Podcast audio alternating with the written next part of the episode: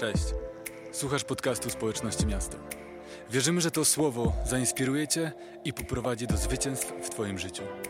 Jeśli chcesz dowiedzieć się więcej, przyjdź na nasze coniedzielne spotkania albo sprawdź nasze media społecznościowe. Widzimy się na mieście.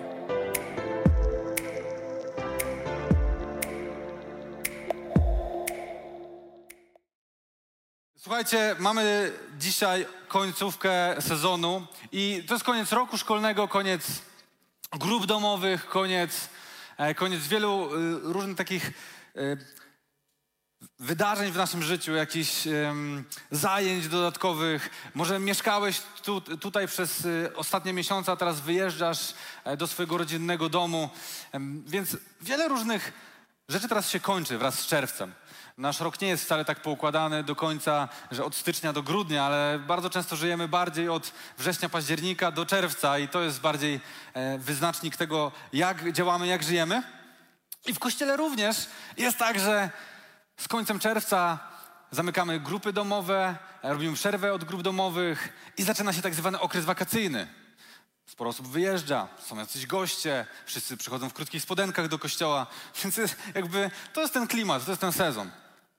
I chcę zwrócić naszą uwagę na bardzo ważną rzecz, że wakacje może są przerwą od pracy, ale nie są przerwą od Boga.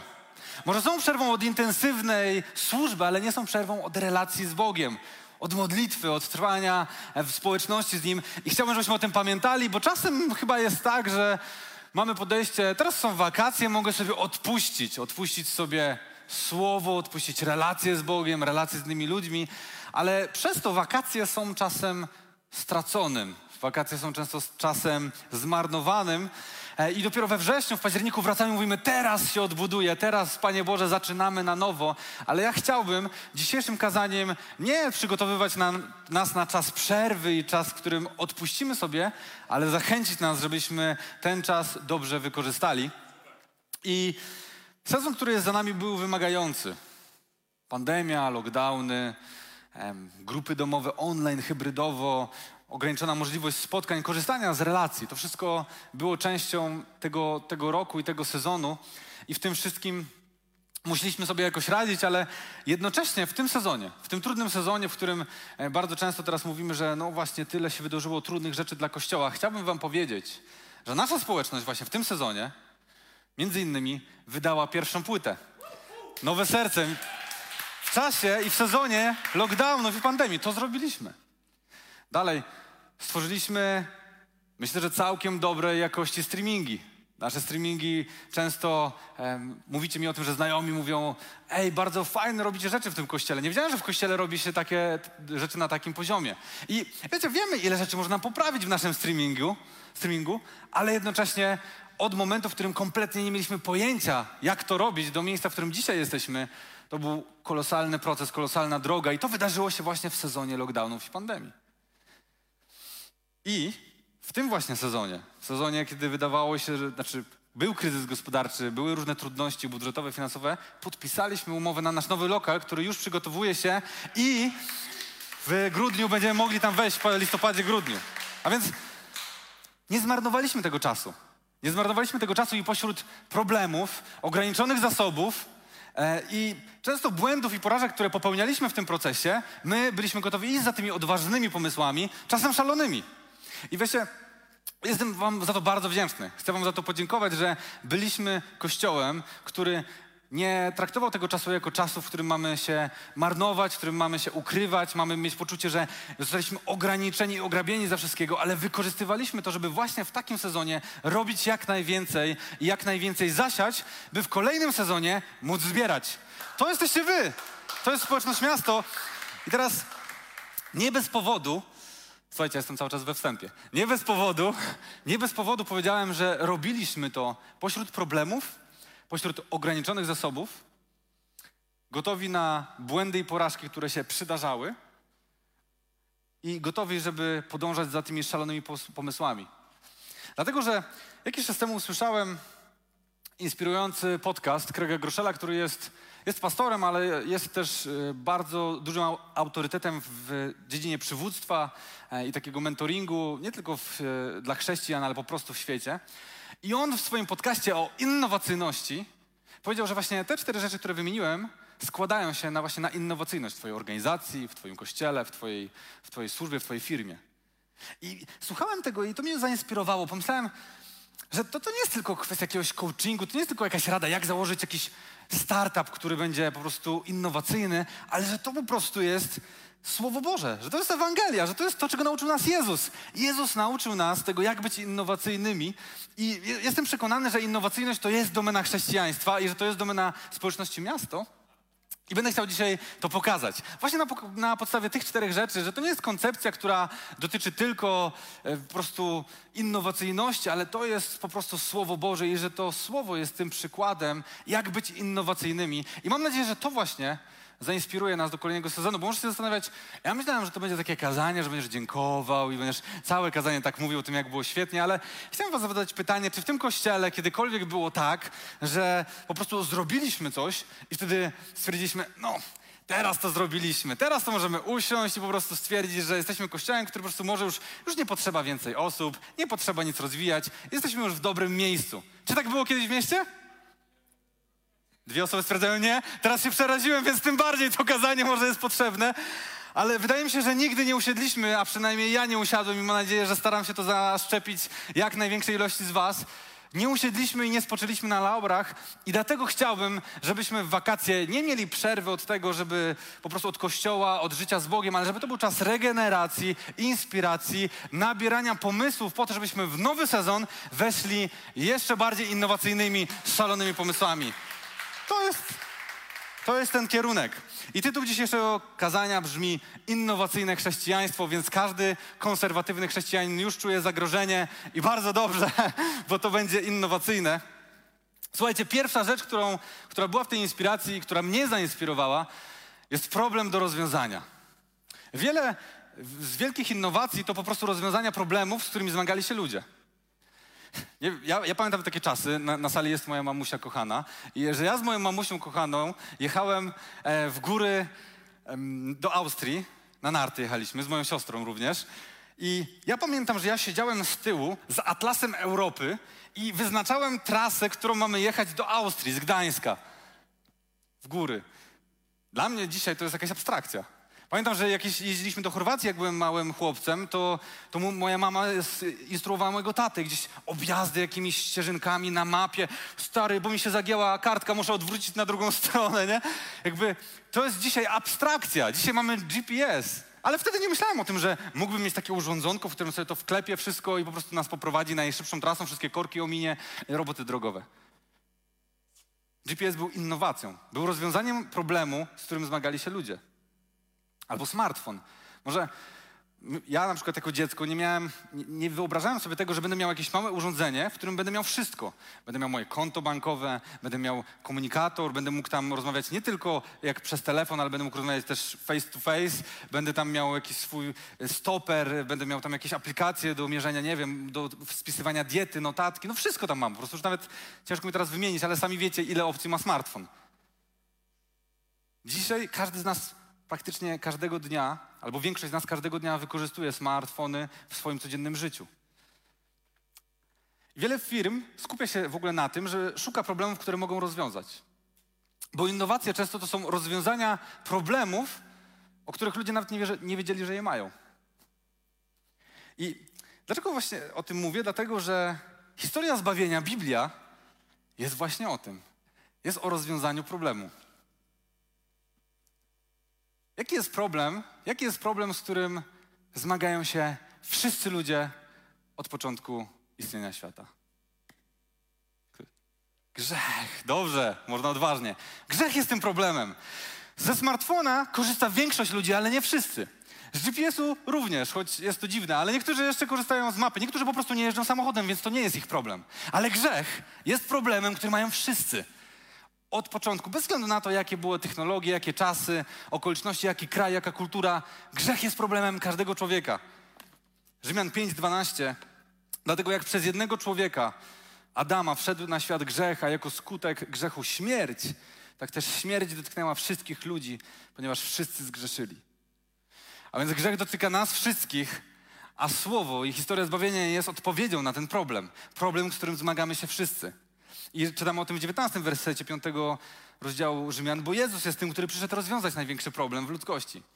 Bo jak przez nieposłuszeństwo jednego człowieka wielu stało się grzesznikami, tak przez posłuszeństwo jednego Jezusa Chrystusa wielu stanie się sprawiedliwymi.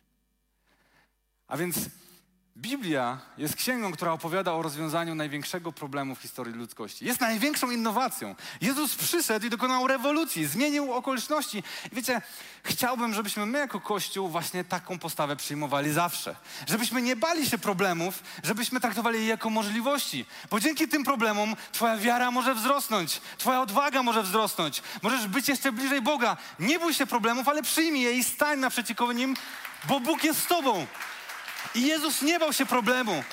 Jezus nie bał się największego problemu. Przyszedł go rozwiązać. Przyszedł rozwiązać największy problem. On był innowatorem. I czytamy o tym jeszcze w, w Marka 2, 17. Ten, ten werset był w ogóle jednym z pierwszych, który mnie zainspirował w tym kazaniu. E, a propos tego rozwiązywania problemów i tego, że to jest właśnie innowacja. Ponieważ Jezus przyszedł i powiedział coś, coś bardzo niezrozumiałego dla sprawiedliwych, religijnych ludzi wtedy. Gdy Jezus to usłyszał, powiedział im: Chorzy, a nie zdrowi potrzebują lekarza. Nie przyszedłem wzywać sprawiedliwych, lecz grzeszników. Pierwsze przyjście Jezusa nie miało nic wspólnego z tym, żeby celebrować i cieszyć się z tymi, którzy są sprawiedliwi. Mega, stary, jesteś religijnym faryzeuszem, cieszę się, że zawsze po prostu głosisz o moim Ojcu. Nie, Jezus się tym nie zajmował. Pierwsze przyjście polega na tym, że Jezus przyszedł do chorych, aby rozwiązać ich problem. Oczywiście to się manifestowało przez uzdrowienia fizyczne, ale zasadniczo można by to zamknąć po prostu w tym, że on przyszedł zgładzić grzech, uwolnić ludzi od grzechu. Przyszedł rozwiązać ten problem. I stąd bierze się innowacyjność w kościele. Z tego, że chcemy rozwiązywać problemy. I, i, i widzicie, ten wstęp sprawia, że ta oczywista, to oczywiste zdanie, czyli jako Kościół chcemy odpowiadać na problemy świata. To się wydaje już takie oklepane, ale jeśli zobaczymy to w kontekście tego, co przed chwilą mówiłem, że to ma bardzo głębokie korzenie, że tak naprawdę naśladowaniem Jezusa, kiedy rozwiązujemy problemy, naśladujemy Jezusa, zaczynamy rozumieć, że właśnie tak ma być. Że mamy szukać tych problemów i myśleć, jak możemy rozwiązać problem, z którym zmagają się ludzie. To jest, to jest, teraz bardzo może kontrowersyjne, co powiem, ale może bardziej nawet niż to, żebyśmy trzymali się pewnych schematów, reguł, które zawsze mieliśmy. Zawsze w niedzielę było tak i tak, zawsze śpiewaliśmy tak i tak. Bardziej powinniśmy myśleć, jak mamy robić to, co robimy, czyli głosić Ewangelię, aby rozwiązywać realne problemy ludzi. To jest, to jest podejście, to jest innowacyjność. Jeśli chcemy być innowacyjnym kościołem, czyli takim, jaki założył Jezus Chrystus, to musimy w ten sposób myśleć, szukać problemów. Problemy to są możliwości, którym możemy wyjść naprzeciw. I ja bardzo często muszę siebie napominać, ponieważ problemy zaczynają mnie frustrować, zaczynam się irytować problemami, zamiast traktować je jako możliwości i zamiast pomyśleć, wow, przecież do tego jestem wezwany. Jestem wezwany i powołany, namaszczony i wybrany do tego, aby rozwiązywać problemy. Tak jak zrobił to mój mistrz Jezus Chrystus. A więc widzimy, że ta cecha innowacyjności jest bardzo biblijna. Przejdźmy do drugiej. Ograniczone zasoby. Jaka jest główna wymówka tego, że nie robimy czegoś, że nie zakładamy firmy, że nie podejmujemy się jakiegoś wyzwania, że nie decydujemy się na jakieś ryzykowne, ryzykowne, ryzykowne działanie? Bardzo często wymówką jest to, że mam za mało pieniędzy, mam za mało doświadczenia, mam za mało kontaktów, mam za mało lat, jestem za młody. Ale innowacja rodzi się z ograniczonych zasobów. Steve Jobs, czyli wielki innowator, uznany pewnie za jednego, będzie uznany, już jest uznawany za jednego z największych innowatorów wszechczasów, to był gość, który założył firmę Apple i on zakładając tę firmę miał na maksa ograniczone zasoby. Nie wiem, czy wiecie, ale kiedy on zakładał tę firmę, to sprzedał cały majątek, jaki miał, a ten cały jego majątek to był mikrobus Volkswagena. I on to po prostu sprzedał, żeby założyć firmę Apple. Kiedy umierał, jego firma była warta 300 miliardów dolarów.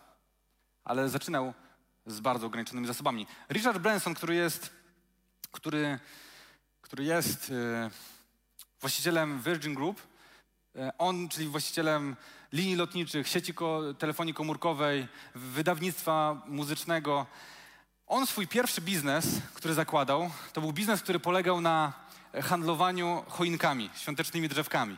I pożyczył pieniądze na ten biznes od swoich rodziców, ponieważ nie miał na ten biznes, ale od tego zaczął. Później zaczął pracować i, działać w sklepie ze starymi płytami, później na zapleczu tego tego sklepu zaczął robić e, studio muzyczne i tak krok po kroku rozwijał to, ale wciąż przez długi czas, przez pierwsze sezony swojego życia i biznesu miał na maksa ograniczone zasoby. Ale również jest jednym z najbogatszych ludzi na świecie i innowatorów i teraz jego, jego, jego firmy myślą nad tym, jak stworzyć linie lotnicze, które będą latały w kosmos. Jest jednym z innowatorów wielkich. Ale dobra, bo chciałem po prostu podziałać trochę na waszą wyobraźnię, poopowiadać wam, że to nie jest tylko, tylko jakieś historie takie starodawne, jakieś mity, tylko że to po prostu jest, że to jest prawda o tym, że innowacje biorą się z ograniczonych zasobów, ale znowu to Jezus pokazuje nam to już w Biblii, że ograniczone zasoby są gruntem dla innowacji, są gruntem dla przełomów i dla rozwijania niezwykłych rzeczy i do, dla cudów. Na przykład historia nakarmienia pięciu tysięcy mężczyzn wraz z kobietami i z dziećmi. On tam ma pięć chlebów i dwie ryby. Pięć chlebów i dwie ryby. To są na maksa ograniczone zasoby, jeśli chodzi o pięć tysięcy ludzi. Gdybyśmy mieli pięć chlebów i dwie ryby, nawet naszą ekipę tutaj ciężko byłoby nakarmić. A co dopiero pięć tysięcy osób. Uczniowie mówią, nie no, 200 denarów byłoby za mało, żeby nakupować żarcia dla nich wszystkich. Ale Jezus ma pięć chlebów i dwie ryby i z tego karmi wszystkich i pozostaje 12 koszy ułomków, czy tam pozostałości, jakkolwiek. Jezus zakłada Kościół i zobaczcie, Kościół ma dzisiaj, znaczy chrześcijaństwo zakłada się, że to jest około miliard wyznawców na całym świecie. Globalny Kościół. Ale on zaczyna mając 12 ludzi. I to naprawdę niedoskonałych. I niejedno kazanie wielu z was, którzy są dłużej niż od wczoraj w kościele, słyszało o tym, jacy niedoskonali są uczniowie. Nawet dzisiaj e, Michał Sumionka inspirował nas na, na odprawie i mówił o tym, e, jak, jak po prostu uczniowie byli niedoskonałymi, jak zmagającymi się ludźmi byli. Jezus ma dwunastu apostołów i zaczyna globalny ruch. I rozpoczyna globalny ruch. To tak jakby ktoś powiedział do ciebie, słuchaj, mam dla ciebie takich 17 niedoskonałych menadżerów, takich z przejściami, z problemami, niektórzy właściwie bez doświadczenia, ale twoim zadaniem jest, żeby po trzech latach szkolenia oni rozpoczęli po prostu globalną sieć, globalną markę, która rozrośnie się na cały świat. Zasadniczo może podjąłbyś się tego wyzwania, ale na pewno zakładałbyś, że jest niezwykle trudne. Że masz na maksa ograniczone zasoby. Tym bardziej, że Jezus nie stał na czele jakiegoś ugrupowania, które ma struktury, ma zasoby. Dzisiaj nawet to widzimy we współczesnej polityce, że partia, która sobie powstaje z niczego i stwierdzi, i nawet zainspiruje w mediach społecznościowych iluś tam ludzi, najczęściej po roku, dwóch latach takiego szumu upada. Dlaczego? Bo nie ma struktur. Bo nie ma struktur, które po, fal, po tej fali entuzjazmu jest w stanie dłużej funkcjonować i przetrwać to i być w różnych małych miejscowościach i tam organicznie pracować. To jest przyczyna, dlatego te, te wszystkie takie ciekawe ruchy różne, ciekawe albo mniej, ale po prostu one powstają, jest szum i upadają. Ale Jezus nie miał tego wszystkiego, bo on nie miał budynków, nie miał różnych tam e, organizacji w każdym mieście w Izraelu, a jednak on rozpoczyna ten ruch, globalny ruch, który przetrwał 2000 lat. Ograniczone zasoby, Wiecie, to są doświadczenia naszego kościoła. Ograniczone zasoby, które tworzą innowacje. Na przykład, nie wiem czy wiecie, ale pierwszy, pierwszy lockdown w zeszłym roku w marcu, tak, w zeszłym roku w marcu, pierwszy lockdown, no i po prostu nagle nie możemy się spotykać. Nie mieliśmy żadnych transmisji wcześniej. Nasz kochany Artur zaproponował, że możemy w studio coś pokombinować, no ale co kombinować, jak my nie wiemy, jak mamy kombinować. Ale razem z Patrycem odkryliśmy, że może najłatwiej byłoby zrobić transmisję przez iPhony, bo jest taka aplikacja, która pozwala nam transmitować e, i łączyć iPhony i rzucać to do sieci. Więc kupiliśmy aplikację. Nie mieliśmy jakichś kamer, nie mieliśmy jakichś tutaj uprzęży wspaniałych, statywów. Mieliśmy tylko jednego iPhone'a, którego kupiliśmy, dwa iPhony pożyczone od innych członków kościoła i aplikację, e, którą jeszcze na początku w ogóle nie wykupiliśmy, bo nie wiedzieliśmy, czy będziemy ją umieli obsługiwać, więc miała jeszcze taki wielki znak wodny na naszej transmisji. I teraz najlepsze jest to, że rob, robiliśmy te transmisje na iPhone'ach. I jakiś czas później Zadzwoniła do mnie liderka e, jednej z konferencji w Polsce i powiedziała: Słuchaj, Alek, czy byłaby opcja, żebyście nagrali dla nas na tę konferencję, bo ona będzie też online, jakieś kazanie i jakieś uwielbienie?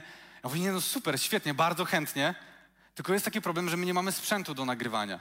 No, że po prostu, jeżeli chcecie zrobić to na takim poziomie, jak zazwyczaj robicie po prostu swoją konferencję, no to musielibyśmy, nie wiem, jakoś podje wy podjechać ze sprzętem, albo my do was podjechać i coś zrobić, a, a ona mówi, jak to?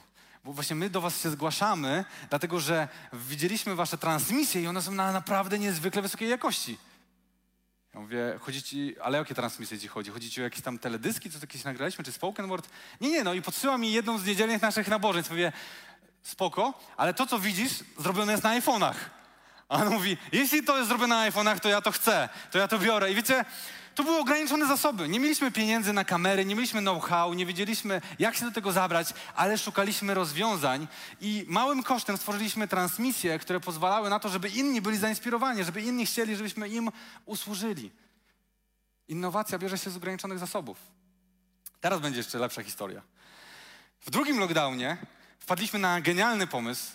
Ja uważam, że jest genialny. Myślę, że on jest po prostu świetny był żeby nie nagrywać tylko gadającej głowy na transmisji i zespołu, który tam gra i śpiewa, ale że chcielibyśmy oddać atmosferę kościoła i tej interakcji, tej modlitwy, tego uwielbienia, więc chcielibyśmy, żeby nasze kadry obejmowały również widownię, również kościół, który jest, na, jest po prostu razem z nami. I wiecie, od razu jak to zrobiliśmy, to dużo liderów z Polski do mnie napisało, zadzwoniło, wow, jaki świetny pomysł, fajnie, że się odważyliście to zrobić.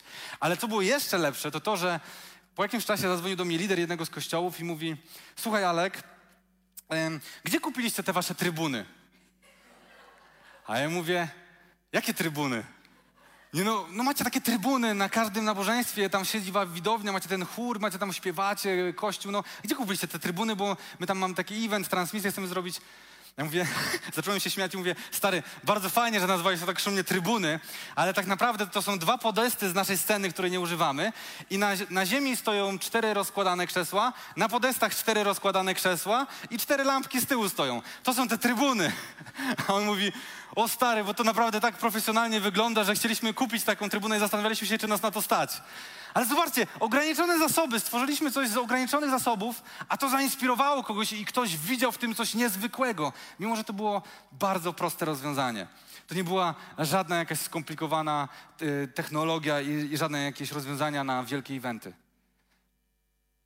Z bogactwem i, i, dużymi zasobami nie zawsze wiążą się dobre, dobre rozwiązania i nie zawsze jest lepiej. I znowu my w kościele bardzo często bardzo często wpadamy w to myślenie: za mało pieniędzy, za mały budżet, za mało sprzętu, za mało umiejętności. Bardzo często wpadamy, że to jest największy problem naszego kościoła, ale to nieprawda, bo często, kiedy masz te zasoby, to Twoje procesy decyzyjne w organizacji, w kościele, w firmie spowalniają, zamulają. Twoje działanie spowalnia, ponieważ między innymi masz za dużo pieniędzy, więc ci się nie chce. Wszystko się kręci, wszystko jest dobrze, więc nie masz motywacji, żeby działać, żeby szukać tych nowych rozwiązań. Więc robisz rzeczy tak, jak już były zrobione, na patencie, na, na starym patencie. Tamten się sprawdził, więc róbmy tak zawsze. Pojawia się rozleniwienie. Dlaczego? Dlatego, że kupujesz rozwiązania, a nie je tworzysz. Kupujesz rozwiązania, a nie je tworzysz. I czasem to jest dobre, żeby zainwestować w coś, albo nie. Bardzo często to jest dobre i chcemy inwestować. I myślę, że w społeczności miasto często inwestujemy w, w pewne rzeczy, czasem nawet w niezrozumiały sposób, na przykład te lampy. To była duża inwestycja, ale one robią robotę. Gdziekolwiek nie jesteśmy, one tworzą, tworzą atmosferę. Także, ale więc inwestujemy, aczkolwiek nie przez zasoby rozwija się Kościół, nie przez zasoby powstają innowacje. Ale właśnie z tych ograniczonych zasobów powstają innowacje. Właśnie tam, gdzie jest brak. Jezus nam to pokazuje, że tam, gdzie jest brak, tam dzieją się najpiękniejsze rzeczy. Tam Twoja kreatywność się uwalnia. Tam rodzi się innowacyjność. I nasze ograniczenia to jest grunt dla tych innowacji. I wierzę, że to, co było ograniczeniem w tym sezonie, pomoże nam rozwinąć i znaleźć nowe rozwiązania w przyszłym sezonie. Bo tak jak często mówię, za mało to wystarczająco, aby Bóg mógł coś z tym zrobić. Za mało to jest wystarczająco. Nie musimy mieć wielkich budżetów i zasobów, aby być innowacyjnym kościołem. Czasem nawet właśnie Bóg chce, żebyśmy mieli mniej. Tak jak mówi do Pawła, starczy ci mojej łaski. W jednym z listów Paweł mówi, że usłyszał to, starczy ci mojej łaski. Boże, ja chcę więcej łaski, więcej Twoich darów, więcej tego wszystkiego, co masz dla mnie. A może Bóg czasem mówi, wystarczy ci. Bo mając tyle, ile masz, będziesz zmotywowany do tego, żeby zrobić to, czego od ciebie chcę. Jak ci dam więcej, zaczniesz się rozleniwiać.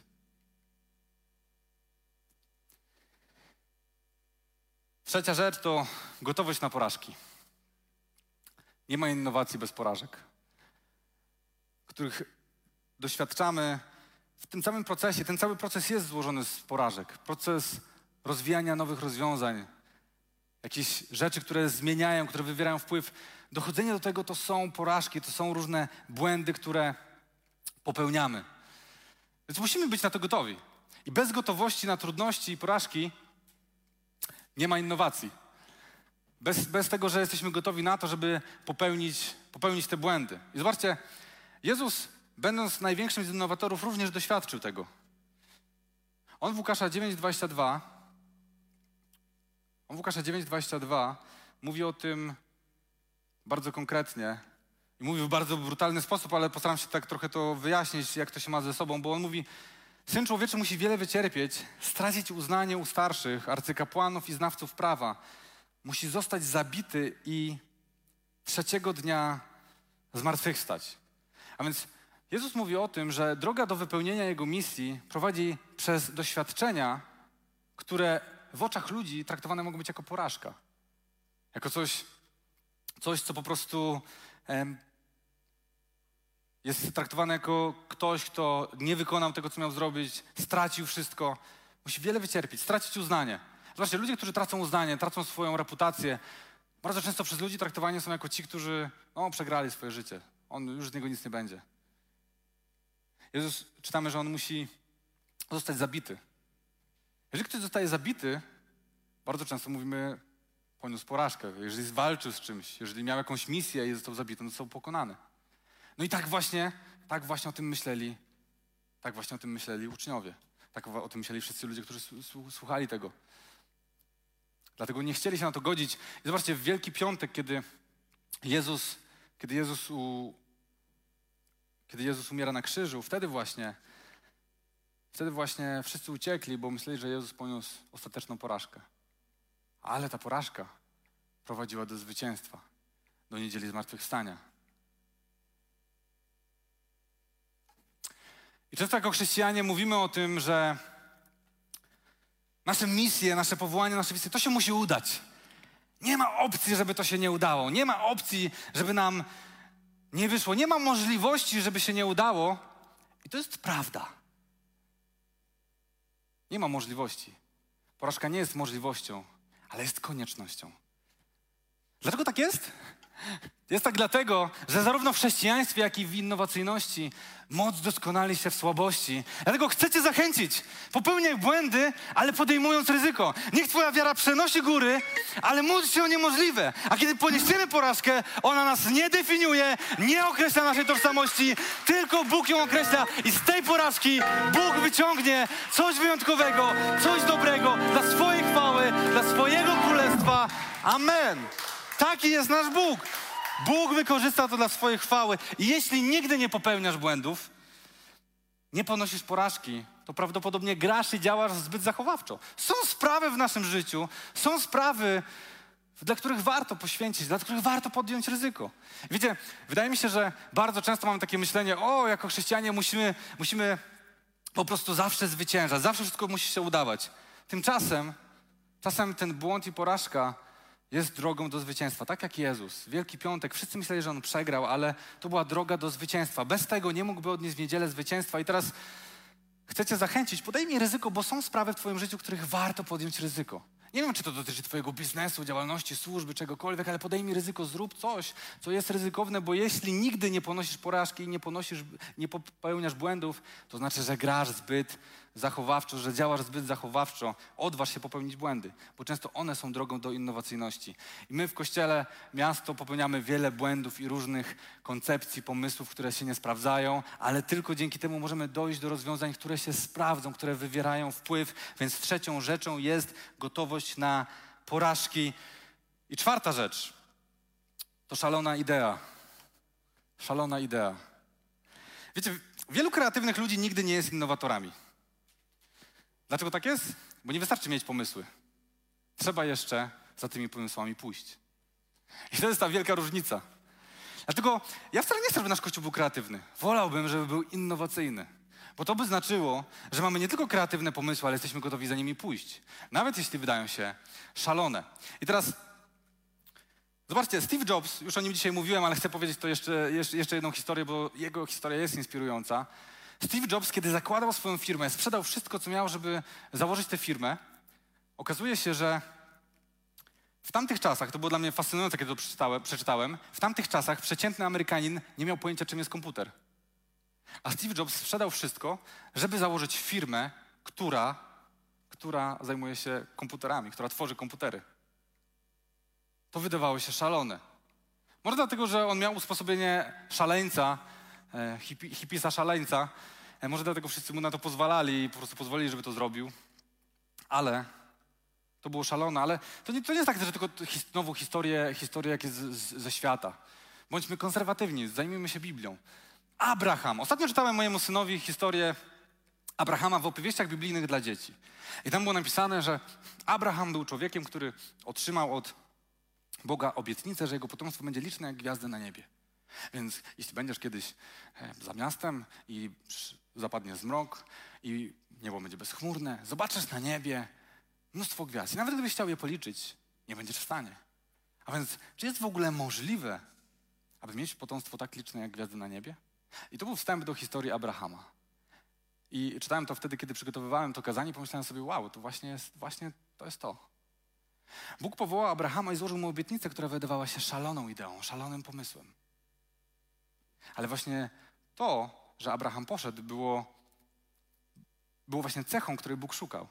Cechą kogoś, kto jest gotowy pójść za szaloną ideą, za szalonym pomysłem i realizować go, mimo że wszystko wydaje się mówić nie. Dawid i Goliat. Dawid wpadł na pomysł, żeby stanąć naprzeciwko Goliata, mimo że Goliat był doświadczonym żołnierzem. Wszyscy się go bali, był większy, był silniejszy, lepiej uzbrojony. Dawid nie miał doświadczenia życiowego, militarnego, ale mówi: Idę to zrobić. Jestem do tego wezwany.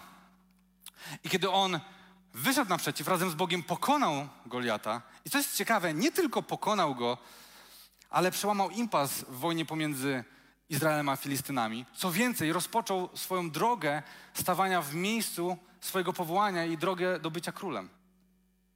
Ale zaczęło się od tego, że poszedł za szalonym pomysłem. Ja, ten niedoświadczony, ten słaby, stanę naprzeciw Goliata. Z tego zrodziło się coś, co przyniosło przełom i rozwiązanie. I wiecie, Jezus przyszedł tak samo z najbardziej szaloną koncepcją pojednania człowieka z Bogiem.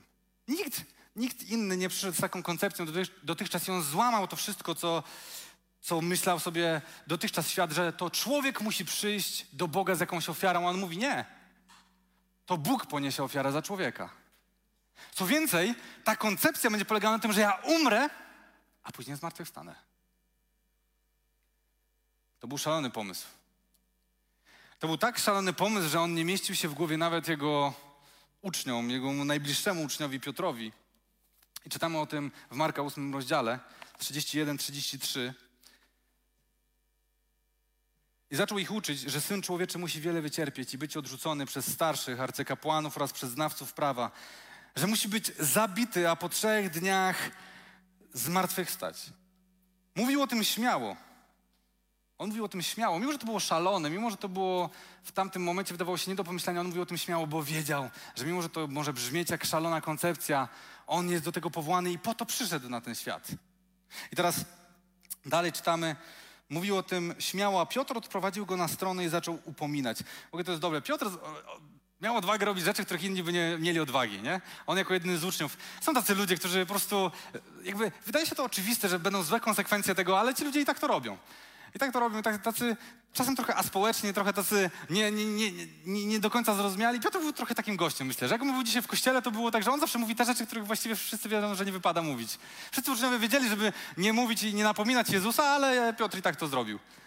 No i miał konsekwencje tego, bo czytamy za chwilę, on zaś odwrócił się, spojrzał na swoich uczniów, tak jakby wiedział, że to, co mówi Piotr, jest wyrazem tego, co myślą wszyscy uczniowie i zganił Piotra.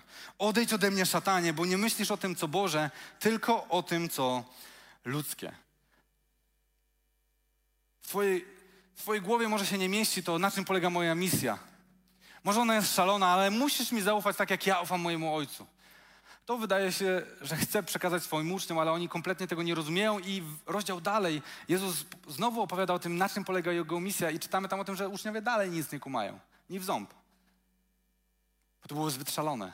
Teraz, kiedy wszystko nam wychodzi, kiedy objawiła się Twoja moc, kiedy wreszcie jest Mesjasz, wreszcie możemy coś osiągnąć, Ty mówisz, że musisz zostać zabity, że musisz ponieść porażkę, że to będzie wypełnienie tej misji? I pomysły,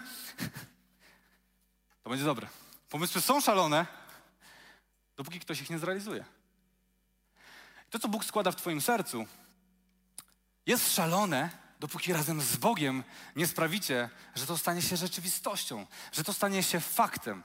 I chciałbym, żebyśmy jako miasto byli kościołem, który ma szalone pomysły i jest gotów iść za tymi pomysłami. I nie boimy się tego, co ludzie o nas pomyślą. Że pomyślą o nas, że jesteśmy szaleni. Tak jak patrzyli na Jezusa, kiedy mówił, powstań, kiedy mówił odpuszczam grzechy, wtedy kiedy mówił zmartwychwstanę po trzech dniach. Jeśli chcemy zdobywać ludzi, których nikt inny nie zdobywa, musimy robić rzeczy, których nikt inny nie robi. Come on! Come on! Bo bez szalonych pomysłów nie ma innowacji. Bez gotowości na krytykę nie ma innowacji. Bez odwagi do głoszenia nie ma cudów. I bez ludzi marzących o wielkich rzeczach nie ma przebudzenia. Amen. Wiele pomysłów może wam wydawać się szalonych. Dlaczego? Dlatego, że nikt inny wcześniej tego nie robił. Wiele pomysłów może wam się wydawać złych, dlatego, że nikt nie miał odwagi na taką formę. Ale rzeczy są szalone, dopóki ktoś nie zacznie ich robić. Bo kiedyś w kościele szalone było również to, żeby klaskać. Kiedyś szalone było również to, żeby grać na perkusji. Kiedyś było szalone to, żeby podnosić ręce, żeby modlić się na językach. Rzeczy są szalone i wydają się nieprzyzwoite, niewłaściwe i niepotrzebne, dopóki ktoś ich nie zrealizuje. Dopóki ktoś nie ma odwagi tego zrobić. Dlatego zamiast być ludźmi, którzy mówią po co, dlaczego to mamy robić, dlaczego robić coś nowego, dlaczego szukać nowych rozwiązań, chciałbym, żebyśmy mieli nastawienie i wiem, że jesteśmy takim kościołem, który ma nastawienie, który mówi, to jest szalone? Boże, to zaszczyt że chcesz ze mną zrobić coś szalonego, coś, co może wywrzeć wpływ, coś, co może zmienić okoliczności, co może wprowadzić nowe rozwiązanie. To jest właśnie podejście, to jest podejście innowacyjności. Szalone pomysły, za którymi jesteś gotów pójść. Chciałbym, żebyśmy podsumowali to, co zostało dzisiaj powiedziane, bo to ważna inspiracja na ten czas wakacji. Po pierwsze, innowacyjność to jest domena chrześcijaństwa. Po drugie, innowacje biorą się z problemów do rozwiązania, ograniczonych zasobów, gotowości na porażki i szalonych idei. Cztery składniki innowacyjności. I teraz tak. Jezus był największym z innowatorów, bo nie bał się największego problemu ludzkości, którym jest grzech. On przyszedł go rozwiązać. Ograniczone zasoby nie są wymówką, bo za mało to wystarczająco, aby Bóg mógł coś z tym zrobić. Gotowość na porażki. Porażka nie jest możliwością, tylko koniecznością w drodze do innowacyjnych rozwiązań. Czwarta rzecz to były szalone idee. Nie bójmy się ich, bo jeśli chcemy zdobyć dla Chrystusa ludzi, których nikt, nikt nie zdobywa, musimy robić rzeczy, których nikt inny nie robi.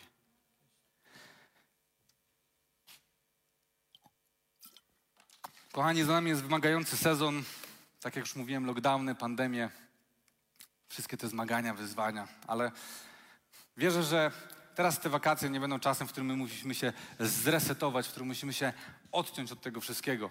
To nie jest moment, w którym my będziemy wracali dopiero we wrześniu czy w październiku i mówili, teraz jestem gotowy na to, co zrobić, ale wierzę, że właśnie ten czas, właśnie wakacje, te dwa miesiące, które mamy, to będzie czas, w którym zregenerujemy się, napełnimy się Bożymi inspiracjami. Chciałbym, żebyście wrócili w październiku, jeśli wyjedziesz stąd na studia albo po prostu będziesz miał urlop, e, będziemy mieli przerwę w jakiejś intensywnej służbie, żebyś wrócił do mnie we wrześniu, w październiku i powiedział mi o jakimś szalonym pomyśle. Powiedział mi, że chcesz na perkusji dogrywać Patrycowi. Chcę, żebyś przyszedł z szalonym pomysłem i żebyśmy razem po prostu poszli za tym pomysłem. Żebyśmy byli tymi, tak jak Abraham, który uwierzył, że będzie miał potomstwo liczne jak gwiazdy na niebie, jak Dawid, który pokonał Goliata. To jest ta perspektywa. Dlatego chciałbym, żebyśmy się o to modlili, żeby Duch Święty, tak jak śpiewamy w tej piosence, zrobił trochę zamieszania w naszych sercach, możemy wstać. Chciałbym, żebyśmy, żeby Duch Święty mówił do nas przez całe wakacje. Bo wakacje to jest przerwa od pracy czy intensywnej służby, ale nie od Boga, ale nie od działania Ducha Świętego. Amen? Duchu Święty, wołamy do Ciebie, prosimy Ciebie, zapraszamy Ciebie. Wiemy, że Ty jesteś duchem innowacyjnych rozwiązań i że ten Kościół jest gruntem do tych rozwiązań. Modlę się o to, aby problemy były możliwościami, abyśmy już nigdy nie narzekali na problemy w Kościele, na problemy w naszym życiu, ale widzieli w tym możliwości Twojej interwencji. Boże, modlę się o to, aby ograniczone zasoby były gruntem dla wspaniałych rozwiązań w tym Kościele i w naszym życiu. Panie, modlę się o to, abyśmy byli gotowi ponosić porażki, popełniać błędy, bo one są drogą do zwycięstwa. I modlę się o to, abyś przyszedł tutaj z szalonymi pomysłami, z niezwykłymi pomysłami i żebyśmy byli Kościołem, który jest gotów za nimi podążać. Amen? Come on.